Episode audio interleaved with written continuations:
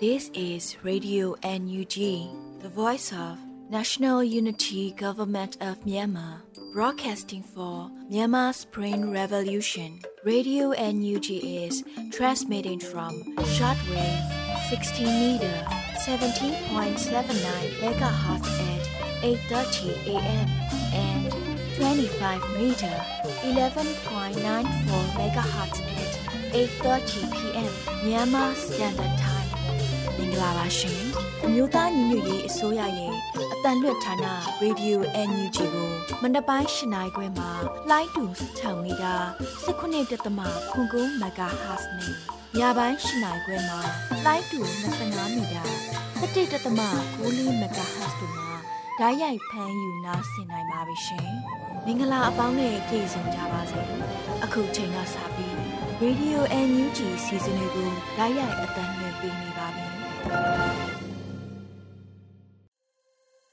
မင်္ဂလာနံနက်ခင်းပါရှင်ရေဒီယို NUG ကိုနားဆင်နေကြတဲ့မိဘပြည်သူများနဲ့မြန်မာနိုင်ငံသူနိုင်ငံသားအပေါင်းတဘာဝဘေးဆရာနာရှင်ဘေးတို့ကနေကင်းဝေးပြီးကိုစိတ်နှပါဘေးကင်းလုံခြုံကြပါစေလို့ရေဒီယို NUG အဖွဲ့သားများကဆုတောင်းမေတ္တာပို့သလိုက်ပါတယ်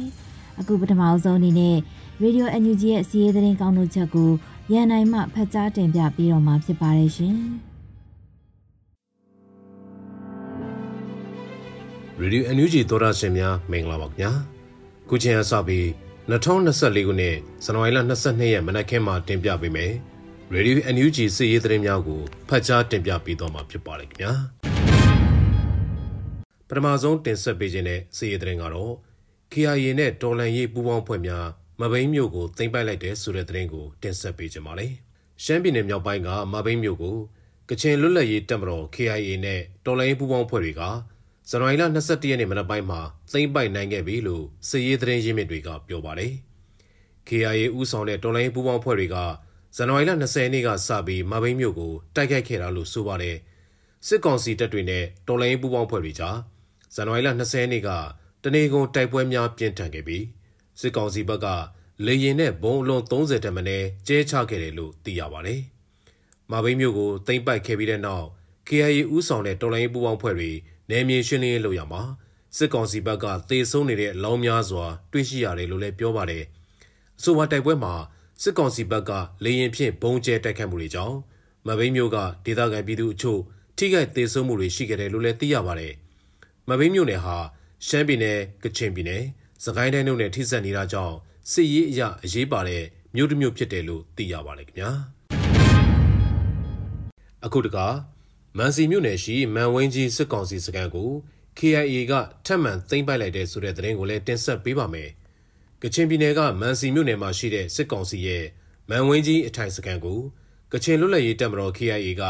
ဇန်နဝါရီလ22ရက်နေ့မနက်ပိုင်းမှာတိုက်ခိုက်သိမ်းပိုက်ခဲ့တယ်လို့ဒေတာရင်းသတင်းရင်းမြစ်တွေကပြောပါတယ်။မန်စီမြို့နယ်မန်ဝင်းကြီးမှာရှိတဲ့စစ်ကောင်စီရဲ့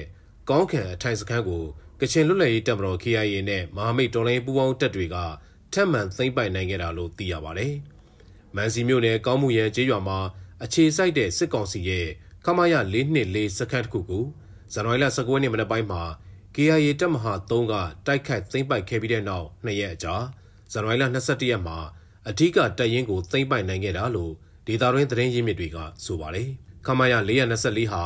ရှမ်းပြည်နယ်နမ်ခမ်းမြို့အနီးမှာရှိပြီးနမ်ခမ်းနဲ့မန်စီကြားကမန်ဝင်းကြီးဒေသမှာတည်ရှိတာကြောင့် ဒေသခံတွေကမန်ဝင်းကြီးစခန်းလို့ခေါ်ဆိုနေတာဖြစ်ပါတယ်။ KIA နဲ့ KPDF ပူးပေါင်းတပ်တွေဟာဇန်နဝါရီလ20ရက်နေ့ကလည်းဖားကန့်မြို့နယ်မှာရှိတဲ့ဝေခါစစ်ကောင်စီစခန်းကိုတိုက်ခိုက်သိမ်းပိုက်ထားပါတယ်။ KIA နဲ့ KPDF ပူးပေါင်းတပ်တွေဟာဇန်နဝါရီလဇန်းကစပြီးကချင်ပြည်နယ်နဲ့ရှမ်းပြည်နယ်အစပ်မှာရှိတဲ့စစ်ကောင်စီတပ်စခန်းတွေကိုထိုးစစ်ဆင်တိုက်ခိုက်နေတာလို့သိရပါတယ်ခင်ဗျာ။အခုဆက်လက်ပြီး မန်ဝင်းကြီးကောင်းကန်စခန်းကထွက်ပြေးသွားတဲ့စစ်ကောင်စီတပ်ဖွဲ့ဝင်100ခန့်ကို KIA ကဖမ်းဆီးရရှိတယ်ဆိုတဲ့သတင်းကိုလည်းတင်ဆက်ပေးကြပါမယ်။ကချင်ပြည်နယ်ကမန်စီမြို့နယ်မှာရှိတဲ့စစ်ကောင်စီရဲ့မန်ဝင်းကြီးကောင်းကန်စခန်းကထွက်ပြေးသွားတဲ့စစ်ကောင်စီတပ်ဖွဲ့ဝင်100ခန့်ကို KIA ကဖမ်းဆီးရရှိခဲ့တယ်လို့စီရဲသတင်းရင်းမြစ်တွေကပြောပါတယ်။မန်ဝင်းကြီးကောင်းကန်စခန်းကထွက်ပြေးလွတ်မြောက်သွားတဲ့ခမရ424ကစစ်ကောင်စီတပ်ဖွဲ့ဝင်100ခန့်ကိုဇန်နဝါရီလ22ရက်နေ့ညနေ4:00နာရီချိန်မှာ နေဆက်ချောင်းနီနောင်မွန်ရွာမှာဖမ်းဆီးရမိခဲ့တာလို့သိရပါတယ်။မန်ဝင်းကြီးစစ်ကောင်စီစခန်းကိုကချင်လွတ်လပ်ရေးတပ်မတော် KIA နဲ့မမဟာမိတ်ဒေါ်လာပူးပေါင်းဖွဲ့တွေဇန်နဝါရီလ22ရက်မနက်ပိုင်းကသိမ်းပိုက်နိုင်ခဲ့ရပါလက်နက်မျိုးစုံ200ကျော်ရရှိခဲ့တယ်လို့လည်းသိရှိရပါတယ်။ဒါ့အပြင်ကချင်လွတ်လပ်ရေးတပ်မတော် KIA နဲ့မဟာမိတ်ဒေါ်လာပူးပေါင်းဖွဲ့ဟာ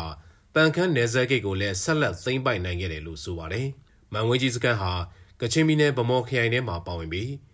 ရှမ်းပြည်နယ်နမ်ခမ်းမြို့နီးမှာတည်ရှိပါတယ်။ KIA နဲ့ KPDF, ABSDF နဲ့ PDF မဟာမိတ်တော်လိုင်းပူးပေါင်းဖွဲ့တွေအားလည်းဇန်နဝါရီလ22ရက်နေ့ကရှမ်းမြောက်ဒေသမှာရှိတဲ့မဘင်းမြို့ကိုလည်းသိမ်းပိုက်နိုင်ခဲ့ပါတယ်ခင်ဗျာအခုတစ်ခါတင်ဆက်ပေးခြင်းတဲ့စီးရီးသတင်းကတော့ရွှေဘိုနယ်တလုံးရွာရှိစစ်ကောင်စီတပ်စခန်းကိုတော်လိုင်းအဖွဲ့များတိုက်ခိုက်သိမ်းပိုက်လိုက်တယ်ဆိုတဲ့သတင်းကိုတင်ဆက်ပေးမှာဖြစ်ပါတယ်။စကိုင်းတိုင်းရွှေဘိုမြို့နယ်တလုံးရွာမှာရှိတဲ့စစ်ကောင်စီတပ်ဖွဲ့ဝင်တွေနဲ့ ပြူစောထီတွေအထိုင်ချတပ်ဆွဲနေတဲ့စကန်ကိုတော်လိုင်းတပ်ဖွဲ့တွေတိုက်ခိုက်သိမ်းပိုက်ခဲ့တယ်လို့ GPS အရတော် drone force ကဇန်နဝါရီလ22ရက်နေ့ညနေပိုင်းမှာထုတ်ပြန်ပါတယ်။ရွှေဘိုနယ်နဲ့တပင်းနယ်မှာရှိတဲ့မဟာမိတ်ရဲဘော်တွေရဲ့ဖိတ်ကြားချက်အရ GPS အရတော် drone force ကဦးဆောင်ပြီးအရတော်မြို့နယ်တိုက်နယ်၄ကရဲဘော်များမိုင်းမင်းသားပျောက်ကြားတပ်ဖွဲ့နဲ့မုံရွာခရိုင်တရင်16တို့ပူးပေါင်းပြီးတွားရောက်တိုက်ခိုက်ခဲ့တာလို့သိရပါတယ်။အဲ့ဒီပူးပေါင်းဖွဲ့က တန်ကားပြက် RPG ဘုံးသီးတစ်လုံးနဲ့60မမဘုံးသီးတစ်လုံးပါဝင် drone ဘုံးသီးများစွာနဲ့ပါဝင်တိုက်ခိုက်ခဲ့တယ်လို့ဆိုပါတယ်။တိုက်ပွဲတွင်မှာရွှေဘုံမြို့မှာရှိတဲ့စစ်ကောင်စီရဲ့အမှတ်၈လေ့ကျင့်ရေးတပ်နဲ့ဖုန်ကန်ကြီးရွာမှာရှိတဲ့စစ်ကောင်စီတပ်စခန်းတွေကနေတာဝေးပြလက်နက်ကြီးဟော်ဝဇာတွေနဲ့တော်လိုင်းရဲဘော်တွေကိုပြန်လည်ပစ်ခတ်ခဲ့တယ်လို့သိရပါတယ်။ဒါပြင်ရွှေဘုံနယ်ပယံရွာနဲ့လိတ်ချင်းရွာမှာရှိတဲ့ပြူစောတီစခန်းတွေကနေပြီး87မမလက်နက်ကြီးတွေနဲ့အကြိမ်20တက်မနဲ့ တော်လိုင်းရဲဘော်တွေကိုပြစ်ခတ်တိုက်ခတ်ခဲ့တယ်လို့လည်းအသိပေးထားပါတယ်။အဆိုပါတိုက်ပွဲမှာ GPS အရတော် drone force အဖွဲ့ကပူးပေါင်းတိုက်ခိုက်ခဲ့တာဖြစ်တဲ့အတွက်နှစ်ဖက်ထိခိုက်မှုသတင်းနဲ့ပူးပေါင်းပောင်ရင်တိုက်ခိုက်တဲ့တရင်တပ်ဖွဲ့အမည်စင်းတွေကိုမသိရသေးဘူးလို့ထုတ်ပြန်ထားပါတယ်ခင်ဗျာအခုတခါဒေါနာစစ်ကြောင်းနဲ့မာမေးဖွဲ့တို့ရဲ့လက်နက်ကြီးများနဲ့တိုက်ခိုက်မှုကြောင့်အရာရှိနဲ့စစ်ကောင်စီတပ်ဖွဲ့ဝင်20ကျော်ထပ်မံတေဆုံးသွားတယ်ဆိုတဲ့စစ်ရေးသတင်းကိုတင်ဆက်ပေးပါမယ်။ မွန်ပြည်နယ်ရင်းမြို့နယ်တွင်းမှာရှိတဲ့စစ်ကောင်စီလက်အောက်ခံခမာရ988နဲ့ခလာရ106အတွင်ကိုဒေါနာစစ်ကြောင်းနဲ့မာမေးဖွဲ့တို့ကလက်နက်ကြီးတွေနဲ့ပစ်ခတ်တိုက်ခတ်ခဲ့ရမှာအရာရှိတူနဲ့စစ်ကောင်စီတပ်ဖွဲ့ဝင်20ခန့်ထပ်မံတေဆုံးသွားတယ်လို့ဒေါနာစစ်ကြောင်းကဇန်နဝါရီလ22ရက်ညပိုင်းမှာထုတ်ပြန်ပါတယ်။ရေးနဲ့တံပြူဇရက်ကိုဆက်သွယ်ထားတဲ့လမ်းပေါ်ကရေးတရာဂိတ်ကိုဒေါနာစစ်ကြောင်းနဲ့မာမေးဖွဲ့တွေဇန်နဝါရီလ20ရက်နေ့ကတိုက်ခိုက်ခဲ့ရမှာစစ်ကောင်စီဘက်က10ဦးထပ်မံနဲ့တေဆုံးခဲ့ပြီး လက်နက်ခဲယမ်းတွေသိမ်းဆည်းရရှိခဲ့တယ်လို့လည်းအသိပေးထားပါတယ်။ရေတရာဂေကိုတိုက်ခိုက်ခဲ့ပြီးတဲ့နောက်ဒေါနာစစ်ကြောင်းလက်နက်ကြီးတပ်စုကခမရ988နဲ့ခလာရ106တွင်ကိုလက်နက်ကြီးတွေနဲ့တိုက်ခိုက်ခဲ့တာလို့ဆိုပါတယ်။ဒီတိုက်ခိုက်မှုမှာခမရ988တပ်ကစစ်ကောင်စီတပ်ဖွဲ့ဝင်20ခန့်တေဆုံးခဲ့တယ်လို့ခလာရ106ကဗိုလ်ကြီးကျော်မြင့်တွေတေဆုံးသွားကြောင်းစုံစမ်းသိရှိရတယ်လို့ဒေါနာစစ်ကြောင်းကအသိပေးထားပါတယ်။ဘုံကြီးကျောင်းကိုအကာအကွယ်ယူတက်ဆွဲထားတဲ့ ရေဒရာစစ်စေးဂိတ်ဟာငွေကြေးကောက်ခံမှုပြင်အနီးနားမှာရှိတဲ့ပြည်သူလူထုကိုအနိုင်ထက်ပြုကျင့်မှုတွေရှိခဲ့တာကြောင့်ဒေါနာစစ်ကြောင်းနဲ့ပူးပေါင်းဖွဲ့တွေဖြစ်တဲ့ MSRF, ABSDF တပ်ရင်း1ဒေါနာစစ်ကြောင်းတပ်ခွဲ3 YGF ဒေါနာစစ်ကြောင်းတပ်ခွဲ9 MSRO YDF နဲ့ရေးသိမ်းတဲ့အဖွဲ့တို့ပူးပေါင်းတိုက်ခိုက်ခဲ့တာဖြစ်ပါတယ်ခင်ဗျာအခုတခါ တထုံမြို့မှာစစ်တပ်ကလက်နက်ကြီးနဲ့ပစ်ခတ်မှုကြောင့်အရက်သား၄ဦးသေဆုံးကလူနေအိမ်နဲ့စာတင်ဆောင်များပျက်စီးခဲ့ရတယ်ဆိုတဲ့စီးရဲတဲ့ရင်ကိုလည်းတင်ဆက်ပေးကြပါမယ်။မွန်ပြည်နယ်တထုံမြို့နယ်မှာအကြမ်းဖက်စစ်တပ်ကလက်နက်ကြီးတွေနဲ့ပစ်ခတ်မှုကြောင့်အရက်သား၄ဦးသေဆုံးက6ဦးဒဏ်ရာရသွားပြီးလူနေအိမ်နဲ့စာတင်ကျောင်းကအဆောင်တွေပျက်စီးခဲ့တယ်လို့ KNU ဘိုကထုတ်ပြန်ပါတယ်။တထုံမြို့နယ်မှာရှိတဲ့အမှတ်314အမြောက်တပ်ကဇန်နဝါရီလ19ရက်နေ့မှာတပ်တူကုန်းရွာထဲကိုလက်နက်ကြီးနှလုံးပစ်ခတ်ခဲ့တာကြောင့် အရသာပြည်သူတွေထိခိုက်သေးဆုံးခဲ့ရသလိုအိမ်6လုံးနဲ့မူလာတန်းကျောင်းအဆောက်အုံနှလုံး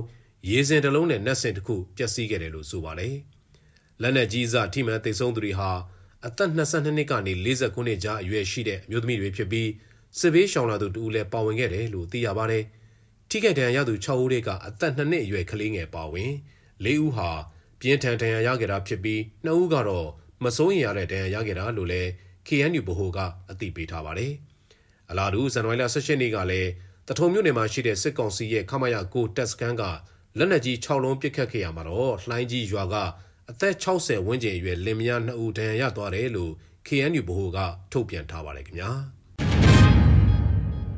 အခုတင်ဆက်ပေးခြင်းတဲ့စီရေးသတင်းကတော့ထီးလင်းမြို့အထိုင်တက်မှမြို့နောက်မြောက်ဘက်အရက်ကိုလက်နက်ကြီးများရန်တမ်းပစ်ခတ်ခဲ့ရမှာစစ်ဘေးရှောင်ရင်းနေထိုင်နေတဲ့တောင်ရတဲကိုလက်နက်ကြီးထိမှန်ပောက်ကွဲခဲ့တဲ့အတွက်အရက်သား2ဦး နေရာမှာနေတေဆုံးသွားတယ်ဆိုတဲ့သတင်းကိုတင်ဆက်ပေးမှာဖြစ်ပါတယ်။ထီးလင်းမြို့အထိုင်တက်မှ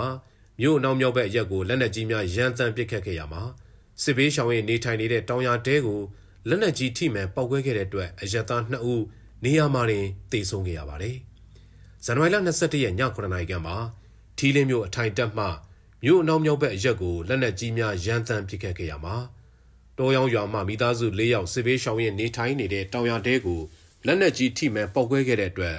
ဖခင်ဖြစ်သူအသက်50ခန့်နဲ့သားဖြစ်သူအသက်30ခန့်ဟာပွဲချင်းပြီးတေဆုံးခဲ့ရပါတယ်။အဲဒီနောက်မိခင်ဖြစ်သူနဲ့ကျောင်းသူရွယ်သမီးဖြစ်သူ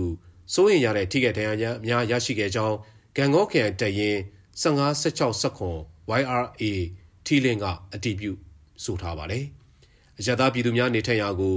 ဥတီချက်ရှိရှိလေကြောင်းလက်နက်ကြီးများပစ်ခတ်ပြီးစစ်ရာဇဝတ်မှုများကျူးလွန်လျက်ရှိတဲ့အကြမ်းဖက်စစ်ကောင်စီတပ်အား ထိုက်တဲ့နဲ့ပြည်ထံများကြခံနိုင်စေရည်အတွက်ဂံကောခရိုင်တရင်15 16 19 YRA ထီလင်းမှအစွမ်းကုန်စ조사သွားမှာဖြစ်တယ်လို့လည်းအသိပေးဆိုထားပါတယ်ခင်ဗျာအခုနောက်ဆုံးတင်ဆက်ပေးနေတဲ့စီးရီးသတင်းကတော့တပင်းမြို့တွင်ရှိစစ်ကောင်စီတပ်များအားပြည်သူ့ကာကွယ်ဖွဲ့တွေကမြို့ရင်းရိတ်ခါများဖျက်တောက်ထားတယ်ဆိုတဲ့သတင်းပဲဖြစ်ပါတယ်။တပင်းမြို့တွင်မှာရှိတဲ့စစ်ကောင်စီတပ်များကိုပြည်သူ့ကာကွယ်ဖွဲ့တွေကမြို့ရင်းရိတ်ခါများဖျက်တောက်ထားတယ်လို့ဇန်နဝါရီလ22ရက်မှာ အဖြူရောင် DBY တပင်းအဖွဲ့ကအတည်ပြုပါတယ်။တပင်းမြို့ရှိစစ်ကောင်စီလက်အောက်ခံများအားပြည်သူ့ကာကွယ်ဖွဲ့တွေကမြို့ရင်းရိတ်ခါများဖျက်တောက်ပြီးမြို့ဝင်ထွက်စစ်ကောင်စီဂိတ်စခန်းများမှစမြို့ရင်းဂိတ်စခန်းထိတိုက်ခိုက်လာနိုင်ပြီးတပင်းမြို့တွင်ရှိစစ်ကောင်စီတပ်သားတွေဟာစစ်ကောင်စီတပ်စခန်းနဲ့တပ်စခန်းအနီးဝန်းကျင်များအထိဆုတ်ခွာနေရပါတယ်။ပြည်သူ့ကာကွယ်ဖွဲ့တွေကမြို့ရဲ့တဝက်အထိထိန်းချုပ်ထားနိုင်ပြီးစစ်ကောင်စီတပ်စခန်းအနီးထိပျောက်ကြားပုံစံနဲ့တိုက်ခတ်လာနိုင်နေပါတယ်လို့ဆိုပါတယ်။တပင်းမြို့နယ်ပြည်သူ့ကာကွယ်တပ်ဖွဲ့တာဝန်ခံကိုယ်တိုင် ညိုရင်းထိန်းချုပ်ထားနိုင်တဲ့နေရာများကိုတွားရောက်လေ့လာကဒေသပြည်သူ့ကာကွယ်တပ်ဖွဲ့များနဲ့တွဲဆုံဆွေးနွေးခဲ့တယ်လို့လည်းသတင်းထုတ်ပြန်ထားပါတယ်ခင်ဗျာ။အခုတင်ပြခဲ့တဲ့စီးရဲသတင်းတွေကို Radio NUG သတင်းတောက်မင်းတီဟန်နဲ့ကိုခန့်တို့ကပေးပို့ထားတာပဲဖြစ်ပါတယ်ကျွန်တော်ကတော့ရန်နိုင်ပါခင်ဗျာ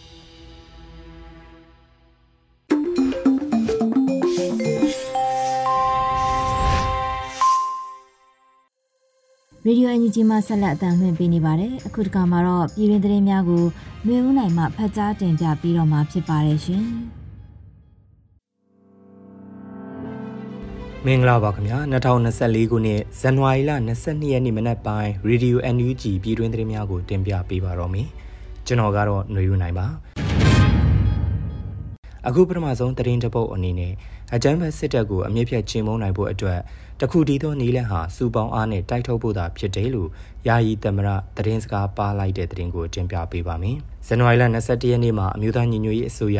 နိုင်ငံတော်ယာယီသမရဒူဝါလက်ရှိလာကပြည်သူများထံသို့အခုလိုသတင်းစကားပါလိုက်ပါတယ်။ကျွန်တော်တို့အားလုံးရဲ့အန်တီမာရီမန်ချက်ဖြစ်တဲ့အကြံဖက်စစ်တပ်ကိုအမြင့်ဖြတ်ချိန်မုံနိုင်ဖို့အတွက်တခုတည်းသောနီလန်ကတော့တိုင်းသားလက်နက်ကိုင်အဖွဲ့များပြည်သူ့ကာကွယ်ရေးတပ်များရဲ့စုပေါင်းအားနဲ့တိုက်ထုတ်ဖို့သာဖြစ်ပါတယ်။ဒါကြောင့်လည်း အမျိုးသားညီညွတ်ရေးအစိုးရအဖွဲ့ဟာတိုင်းသားလက်နက်ကိုင်များနဲ့အပြုသဘောဆောင်တဲ့ဆွေးနွေးမှုတွေကိုလှုံ့ဆော်လျက်ရှိတယ်လို့ဆိုပါတယ်။လက်ရှိမှာအမျိုးသားညီညွတ်ရေးအစိုးရဟာတိုင်းသားတော်လှန်ရေးအင်အားစုများနဲ့စီရေးနိုင်ငံရေးများကိုအတူတကွပူးပေါင်းဆောင်ရွက်လျက်ရှိပြီး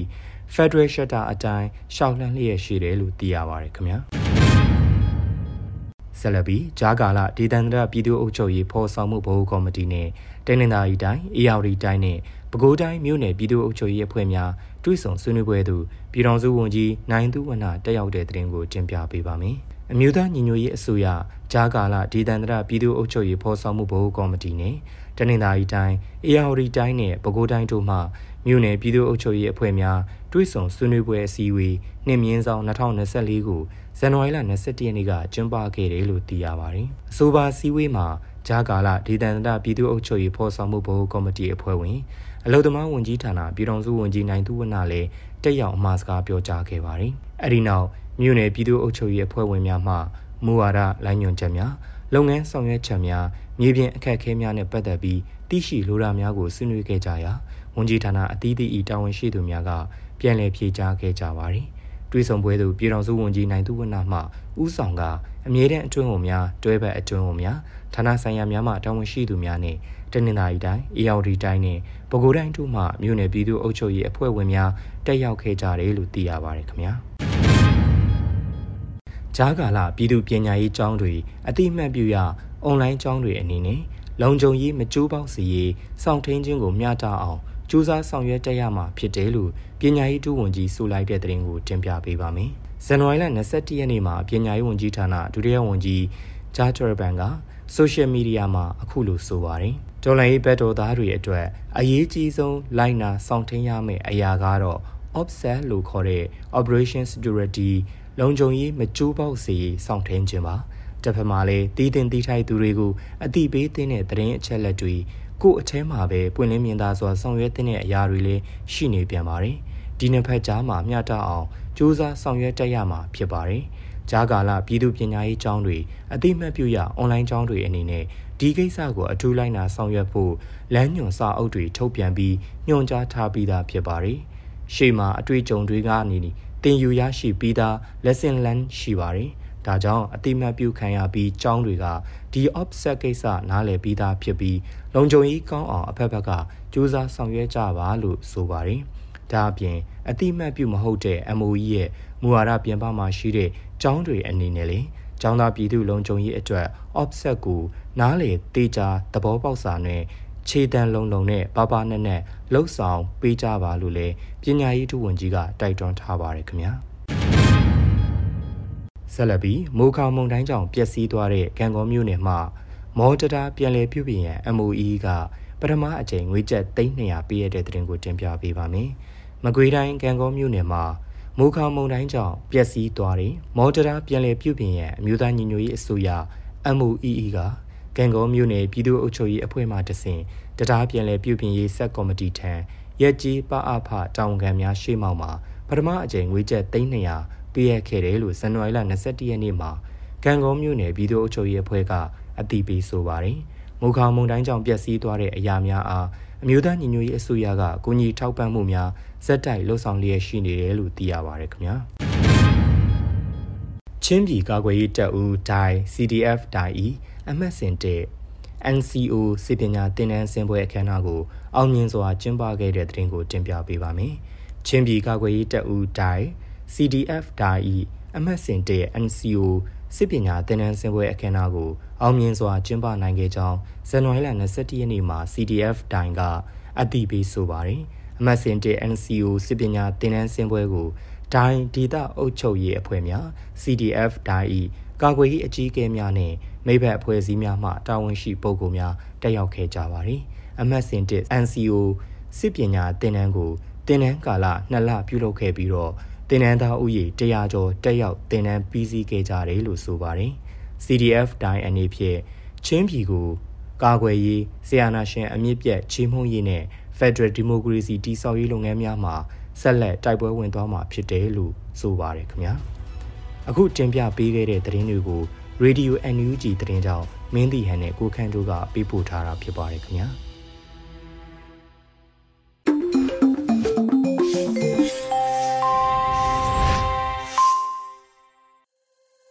ရေဒီယိုအန်ဂျီဂျီမှဆက်လက်အသံလွှင့်ပေးနေပါတယ်။အခုတစ်ခါမှာတော့တော်လိုင်းရေးကြပြအနေနဲ့ຫນွေဦးတိန်လူရေးသားထားပြီး လွတ်လပ်ຫນွေဦးခန်းစားရွတ်ဖတ်ထားတဲ့စေကန်းလာပြသောဂီတာလို့အမည်ရတဲ့တော်လိုင်းရေးကြပြကိုနားဆင်ရမှာဖြစ်ပါတယ်ရှင်။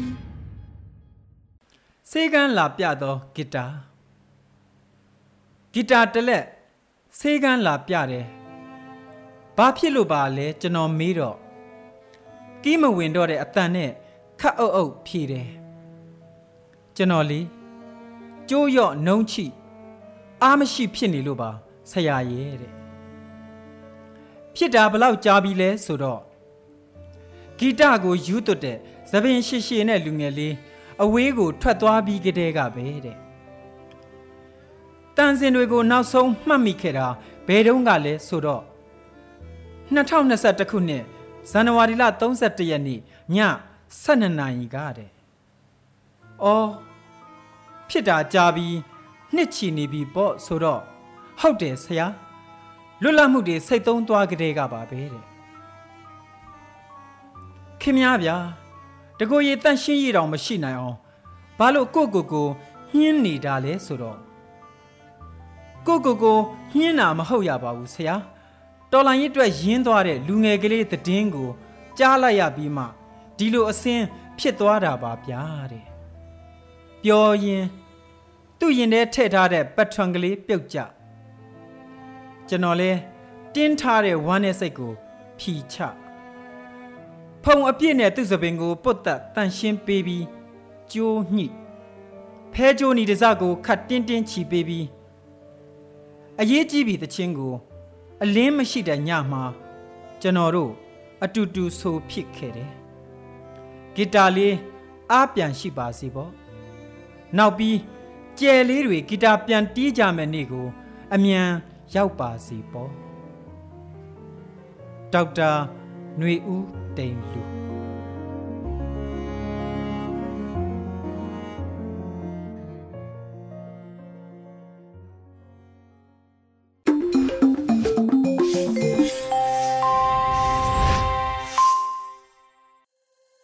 ရေဒီယိုအန်ယူဂျီမှဆက်လက်အသံလွှင့်ပေးနေပါတယ်။ဒီကနေ့ရဲ့နောက်ဆုံးအစီအစဉ်အနေနဲ့တိုင်းသားဘာသာထုတ်လွှင့်မှုမှာတော့ မတူပီချင်းဘာသာနဲ့တပတ်အတွင်းသတင်းတွေကို The Matubi Times ကစီစဉ်တင်ဆက်ထားတာကိုနားဆင်ရမှာဖြစ်ပါတယ်ရှင်။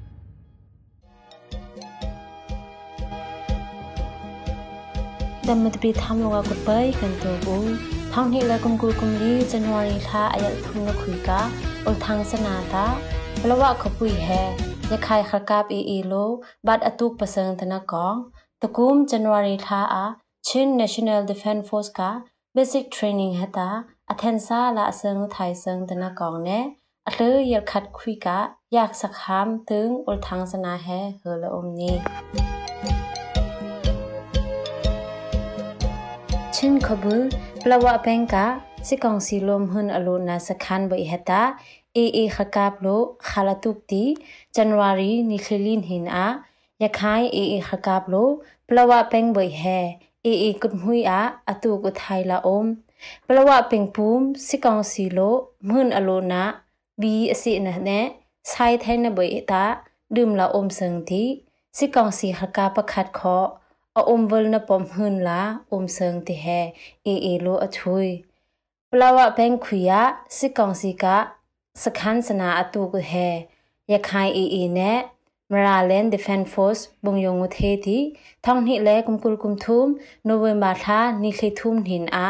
ုံစံတီစီကောင်စီဟကာပခတ်ခောအုံဝလနပမ်ဟွန်းလာအုံစံတီဟဲအေအေလိုအချွေပလဝပင်ခွေယစီကောင်စီကစခန်းစနာအတူကဟဲရခိုင်အေအေနဲ့မရာလန် Defense Force ဘုံယုံငုသေးတီထောင်းနှိလဲကုမ်ကုလကုမ်ထုမ်နိုဝင်ဘာသာနိခေထုမ်ဟ ขัลตุกเวงะหนูนกุยหนูไปพุนเสพแพ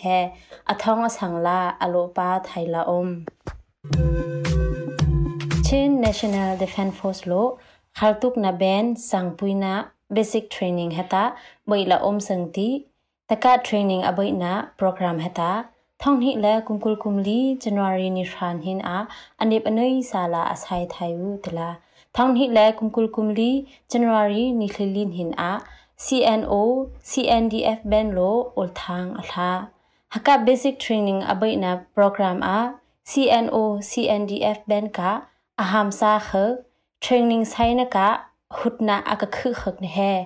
kai u thai ti training saving a aka therm aka si khak he umpuina sayol khip apek la om matapi peng ai dak ben ka pilnam khak he สิกองสีโลรำอุกนาขอดลำกะโลสิกองสีแฮอังไงอปดงะ revolution ไฮแฮทาอเปกละอมแต่เฮยะเป็นนามขกับอุกุงประคัดในประคัดลักโลอะอยากมิ่งทุนแน่แน่ทิกอัดก็อัดละอมนปธรรมสนาหูละอมไอดากเบนกะเป็นนามอุกุง organization เฮตะ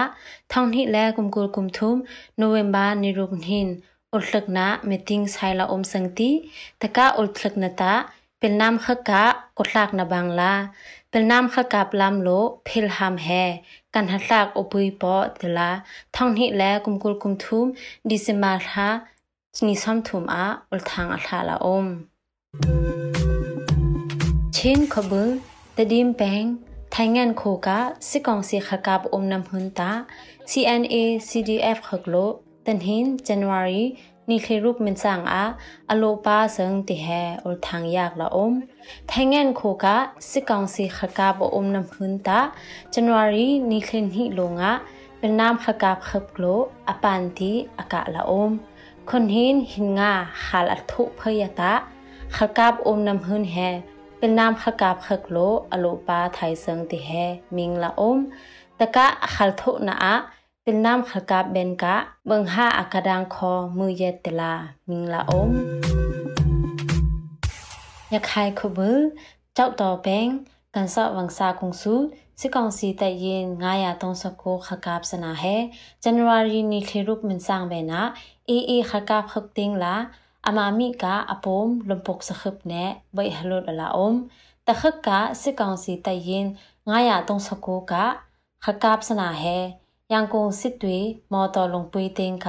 ကန်ဆောက်တောင်ကုံစုအမွန်းအကလိုစစ်ကောင်စီခကပ်စခန်လာအုံကန်ဆောက်ဝង្စာတင်က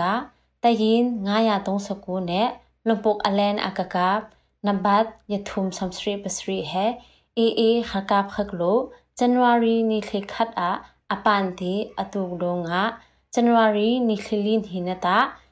peng chi le wangsa he sikong si lo january ni khenga ခထွန်း ပနိလူက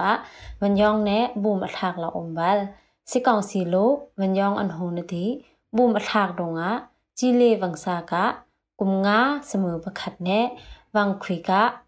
်ပလီဟဲဒက်တီထန်းပထုမလိုဘင်ဟာဒန်းတလာကီမာမုံမီဒီယာလိုအတန်စာလဝခပွေဟတာအေအေခကပ်လိုစစ်ကောင်စီခွန်မှုလမ်က လိုထောင်းနိလဲကုမ်ပုလ်ကုမ်လီဇန်နဝါရီလဆေဘန်အာအခမ်ပါလာအုံတေခောယากလာအုံပလဝဘန်ကစစ်ကောင်စီခကပ်ထန်းယင်ဟိဆမ်စထရီပရက်ဟတာ ထောင်းဟိလဲကုမ်ကုလကုမ်လီဇန်နဝါရီနီခိစရီဟင်ခွနခလမ်ဘန်ပလီယာအိန္ဒိယမီဇိုရမ်ခဘူလောင်ကလိုက်ဒစ်ထရစ်ဘန်ဒူဘငါဝង្စာလာဘတ်ယုံဘလတေဟဲမီဇိုရမ်ကမီဒီယာဘန်လိုအထူးစစ်ကောင်စီခကပ်စနာဟဲမီဇိုရမ်ပရဝဝង្စာ halwangan kuram bena revolution akasai khakap sana ne ka bati mizoram benla akayo sikong se khakap sana he asam rafelo bom senna ape u tala อาซัมราเฟลโลบอมเซนนาอเปอูดลาอตึงซาอากยงสิกองสิหกับสนาเฮลงตายขปุยลำกโลลุงเลขปุยลา January นี่เคเรนหินทัมเบนอะทรักกาเปรดเนอัทักอลาอมเตฮีกบังลาชินขบุลเนยะไคอะสิกองสีเป็นนามเพิกคาลอโทลีลาอมเวงฮะสิกองเซขกาเพอินเดียมซูรามเบนลา ayongna heta avai rukna sang ti he mingla om matpi tham ol thang he NUG radio dong longa kho direct natun thai sang radio ne natun kangai ta kul kho ka atu yal takum son ne khat men sang khner red la chua thala om radio dong longa natun kangai ta 16 meter 17.79 megahertz ดงลงขอนตุนไทเซอร์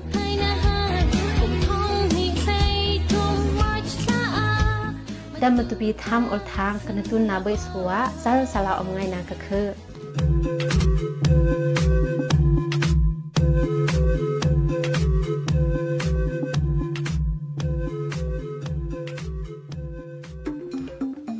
ကနေ့ကတော့ဒီညနေပဲ Radio NUG ရဲ့အ ဲ့ စီအစဉ်လေးကိုခေတ္တရ延လိုက်ပါမယ်ရှင်မြန်မာစံတော်ချိန်မနေ့၈နိုင်ခွဲနဲ့ည၈နိုင်ခွဲအချိန်တွေမှာပြောင်းလဲဆိုပြကြပါလို့ရှင် Radio NUG ကိုမနေ့ပိုင်း၈နိုင်ခွဲမှာ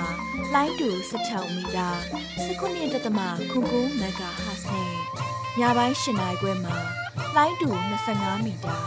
17.9မဂါဟတ်တို့မှာဓာတ်ရိုက်ဖမ်းယူနာဆင်နိုင်ပါပြီရှင်။ မြန်မာနိုင်ငံသူနိုင်ငံသားများကိုစိတ်နှဖျားစမ်းမချမ်းသာလို့ဘေးကင်းလုံခြုံကြပါစေလို့ Radio NUG ရဲ့ဖွဲ့သူဖွဲ့သားများကဆုတောင်းလိုက်ရပါတယ်။ San Francisco Bay Area အခြေစိုက်မြမမိသားစုများနဲ့နိုင်ငံတကာကစေတနာရှင်များလိုအားပေးများရဲ့ရေဒီယို NUG ဖြစ်ပါတယ်ရှင်။အရေးတော်ပုံအောင်ရမည်။